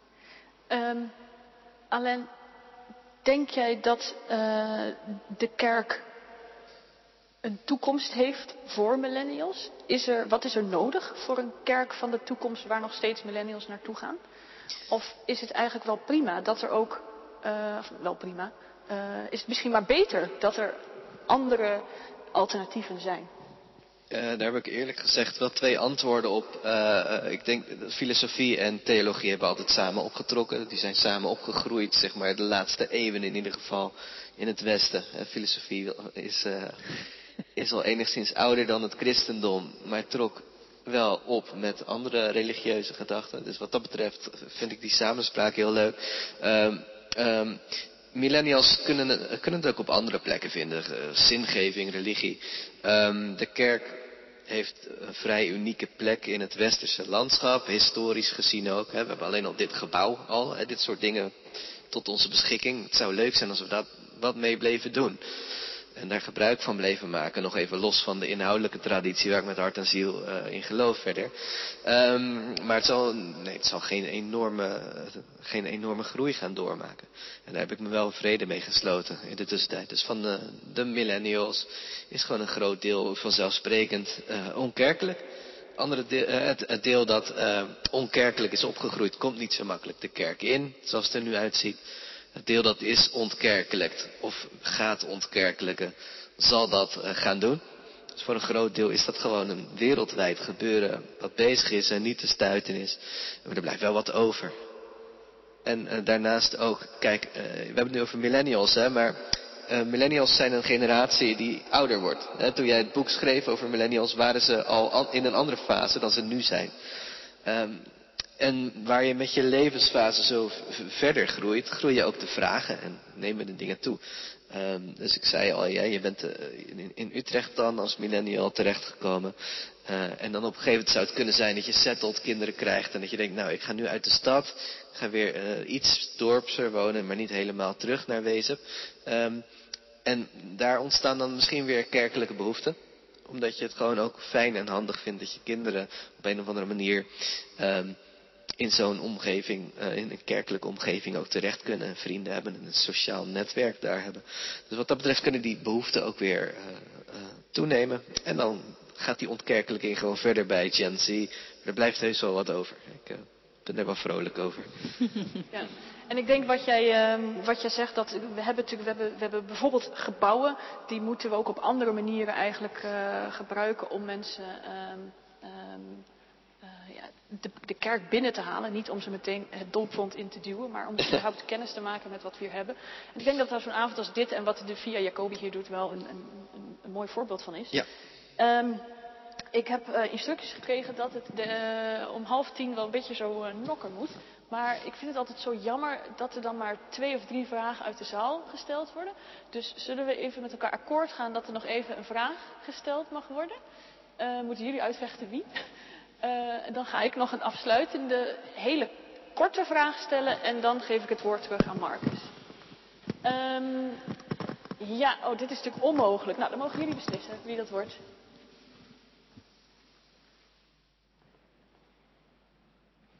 En natuurlijk kan er, uh, blijf vooral allemaal zo lang mogelijk borrelen, want dan kun je ook gewoon met elkaar verder praten. En hopelijk ook met onze sprekers die daar nog bij zijn.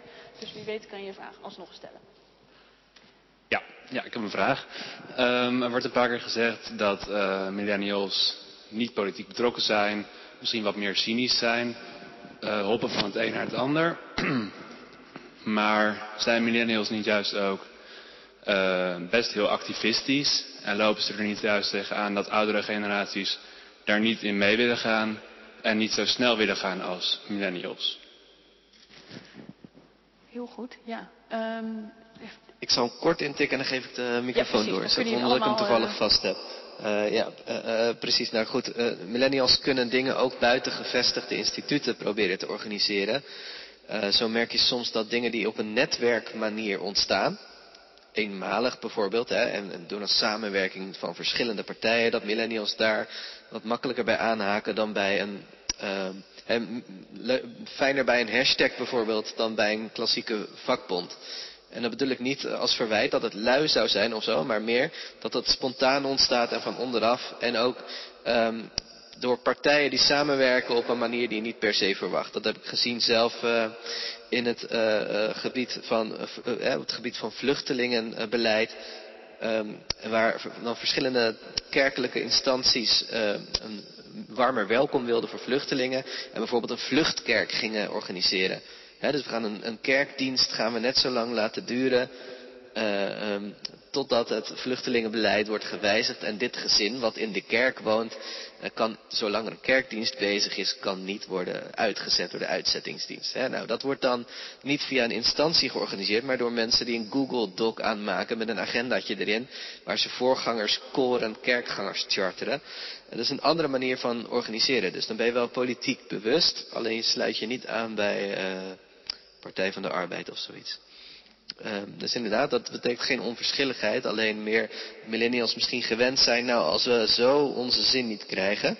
Of als we zo het werk niet gedaan krijgen via de oude structuren. Dan tuigen we toch gewoon zelf een andere manier op.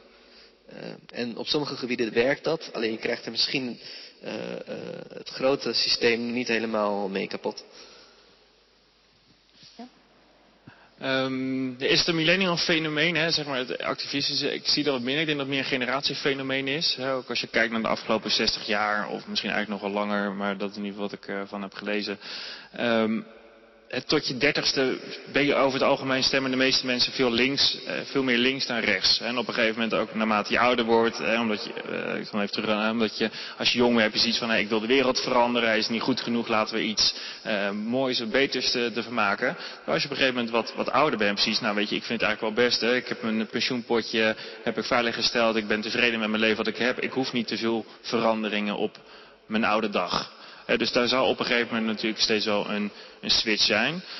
Ik heb ergens het idee aan de andere kant dat millennials helemaal niet zo activistisch zijn. Hè? Van als we het uh, kijken naar uh, hoe het is gegaan hè, met, met de studieleningen of zeg maar ook even met, met corona eigenlijk alle maatregelen. Ik vind dat we ons relatief heel netjes hebben gehouden. Hè? Ondanks dat het natuurlijk zo'n enorme impact heeft op onze ja, korte termijn en ook lange termijn dat er volgens mij ergens soms ook wel weer een roep is van, oh, die, deze generatie is zo ingekakt. Die mogen zichzelf even wat, wat meer laten gelden. Zoals bijvoorbeeld de boomers deden in, in hun tijd. Maar ik denk als het om, ja, nu noem je denk ik wel twee voorbeelden waar zich niet hebben laten horen. Maar tegelijkertijd bij de Black Lives Matter protesten of als het gaat om klimaatdemonstraties zijn juist de jonge mensen die daar zich laten zien. Ja, ja, wel lastig. Maar misschien dat we een selectievere agenda hebben, dat zou kunnen. Ja, ik zou zeggen, het is vaak korte termijn. Dus ook daar zie je diezelfde liquiditeit. Ja, dus via social media kun je heel makkelijk een demonstratie organiseren. Uh, iets, iets, activistisch, uh, snelle manifestatie waar je bij elkaar komt en weer, en weer snel weg bent. Uh, maar die langere termijn uh, sociale bewegingen, politieke partijen, wat vakbonden doen, noem maar op. Dat zie je bij jongeren veel minder. En als ik even terugdenk aan de jaren, begin jaren zeventig, hoe eindeloos veel je aan het vergaderen was binnen allerlei groeperingen voor het milieu, voor tegen kernenergie, weet ik veel wat. Allemaal vergaderen en structuren maken dat is bijna afwezig. En wil je iets veranderen, dan moet je, een, dan moet je niet alleen maar een momentaal netwerk hebben, maar dan moet zo'n dan moet je ook groepen krijgen die een zekere stabiliteit hebben en die ook weten van als er iets is, kan ik ook echt op aan van die ander. En die discipline, nou moet ik eerlijk gezegd zeggen dat Roel van Duin al in de jaren zestig klaagde over dat er te weinig discipline was onder al die progressieve uh, jongeren die zo nodig de wereld wilden verbeteren. Maar die discipline die is denk ik bij deze generatie nog veel minder. Dus je wil heel snel succes hebben, activistisch, en dan heb jij je ding weer gedaan en kun je weer, in je, uh, in je, weer terug in je hok. En wat die meneer zei over uh, dat ouderen conservatiever zijn, dat blijkt ook inderdaad uit onderzoek. Hè. Jongeren willen veel meer uh, dat wij koploper zijn op het gebied van klimaatbeleid, dat we veel meer met Europa doen. Nou ja, zo nog een aantal thema's. Een derde van de achterban van Vorm voor Democratie is 65 plus. Maar jongeren stemmen veel te weinig. En daardoor zijn veel posities in de samenleving nog steeds door uh, 65-plus uh, voorkeur geregeerd. En niet door wat jongeren. En dankzij de jongeren hebben we, de, het afwezigheid van jongeren hebben we een brexit. Dankzij het gebrek aan stemmen is Clinton, Hillary Clinton geen president geworden, maar Donald Trump. Dus dat is echt een fiasco dat millennials niet veel te weinig stemmen. En ik zou zeggen, en ook dat idee van dat je ook echt langdurig je in moet zetten, wil je een impact hebben op de samenleving, ja, dat zou nog wel, wat mij betreft, veel meer mogen indalen bij de millennial. Ja, ik ben nu natuurlijk als een oude oma aan het praten. Ja, maar toch Marley, ik, ik durf hier niks meer aan toe te voegen. um, maar toch, ja, Len durft dat wel. Even nou ja, okay. de vraag, wat had het voor verschil gemaakt voor die mensen als Clinton had gewonnen en Trump niet? En die vraag zit volgens mij veel te hoog bij een bepaalde generatie, wat maakt dat ze niet meer gaan stemmen. Uh, dus ik denk dat dat wat dat betreft voor, de, voor het bouwen van die infrastructuur ook een bepaald vertrouwen uh, terug moet komen. En dat, dat het daar nog zoeken naar is. Nou, dan, sorry, maar dan plaats je te veel buiten jezelf. Werkelijk, als die jongeren gestemd hadden in Engeland, dan was die hele brexit er niet gekomen. Echt niet. En dan kun je wel zeggen, ja, maar die structuren die zijn niet te vertrouwen. Maar je, bent, je hebt toch dat stemrecht, daar is eindeloos voor gevochten. Ik bedoel, het feit dat, je, dat ik als vrouw mag stemmen, hoeveel vrouwen daar niet voor gestreden hebben dat, om dat voor elkaar te krijgen. En dan, ja, dan denk ik wel even van, hallo, dat is iets te verwend om dan te zeggen ja. van nou... Uh, ik denk dat, wat dat... Oei, Alain. Je moet het heel kort houden. Ja, wat dat betreft zal Gen Z, uh, de millennials zijn een schakelgeneratie geweest. Van generatie niks en de pragmatische uh, generatie. Via de millennials gaan we naar generatie Z. En die zullen waarschijnlijk dat vuur wel weer van jullie uh, kunnen overnemen. Wat dat betreft ja. geloof ik daarin. Ja, dus, maar... De conclusie van deze avond is eigenlijk, wat moeten wij doen? Is uh, meer discipline in, uh, in, wat we willen, in dat wat, we, wat voor verandering we willen bewerkstelligen. We moeten stemmen uh, en we moeten vertrouwen op de volgende generatie. Jasper, wat zou jij zeggen? Nou, daar heeft uh, deze dame hiervoor mij enorm geïnspireerd. En dat is uiteindelijk ook uit je comfortzone stappen. Dus nogmaals, ik vond het heel bijzonder dat je zoiets hebt van, ondanks het stotteren, dat je toch zoiets hebt van, ik pak hem hier in een kerk hier wat nog eens een keertje galmt en aan alle kanten ook nog eens een keertje terugkomen, maar je doet het toch. Hè? Dus toch even uit je comfortzone gaan. Daar kan ik alleen maar heel veel respect voor hebben. Dank je. Dus wat ik ook zie en dat spreek je uit en uh, dat spreek je uit ook niet alleen voor jezelf, maar voor al die de mensen die het niet kunnen of niet goed kunnen. Dus ja, een actieve de, de burgerschap. Dus het gaat niet alleen maar, ik leef om iets te, te, te verkrijgen. Ik, ik leef ook om iets te geven en dan geef je ook heel veel. Actief burgerschap, dat is het. Dank jullie wel. Uh, we zijn aan het eind gekomen van de avond, maar ik wil u nog eventjes van de borrel afhouden met een aantal mededelingen. Maar allereerst natuurlijk uh, een geweldig uh, bedankt aan alle sprekers, inclusief de gespreksleidster.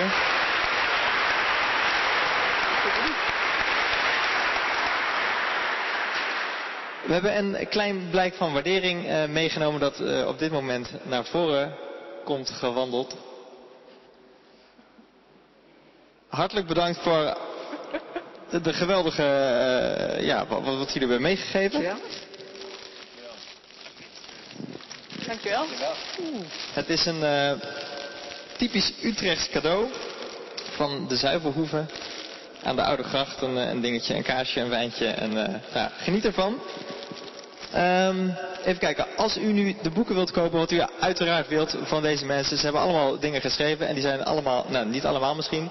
Uh, een groot gedeelte is verkrijgbaar aan de zijkant hier van de kerk. Daar is een boekentafel en uh, daar kunt u de boeken kopen. Um, als u dan nog niet uh, uitgekeken bent, dan kunt u naar de tentoonstelling hierachter in de kerk. Dat is een tentoonstelling Troosten en Verstoren door Jedi Noordergraaf. Het zijn verbeeldingen van oeroude levensliederen uit de Bijbel, de psalmen. Nou, omdat wij als Jacobinkerk maatschappelijk debat belangrijk vinden, brengen wij geen kosten in rekening voor dit debat. Maar het debat is niet kosteloos gemaakt. Als u het leuk vindt, kunt u bijvoorbeeld een bijdrage van 5 euro achterlaten bij het uitgaan van de kerk. En als u zich heeft opgegeven, dan krijgt u ook een betaallinkje toegestuurd. Uh, als u dat wilt, dan kunt u iets bijdragen. Dan wil ik u nog één keer op wijzen dat hier zondag diensten zijn. Danny zal er niet zijn. Maar tussen om 10 uur en 5 uur hebben we hier een dienst waarbij u van harte bent uitgenodigd. Um, ook hebben we de komende tijd een heleboel activiteiten onder de noemer Tijd. De eerste daarvan is het uh, Via Festival op 8 oktober. Hebben we een festival waarin we met journalist en publicist Stefan Sanders in gesprek gaan over tijdbeleving. En daar is ook een, uh, de jonge theoloog des Vaderlands, Tabitha van Krimpen, is aanwezig. En er is een workshop over tijd, taal en emotie van Trineke Palm.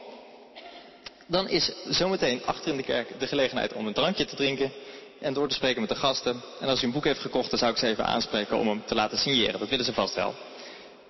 Tot slot wil ik u verzoeken om flyers en eventuele bekertjes mee te nemen. En dan wens ik u nog een heel fijne avond. Bedankt.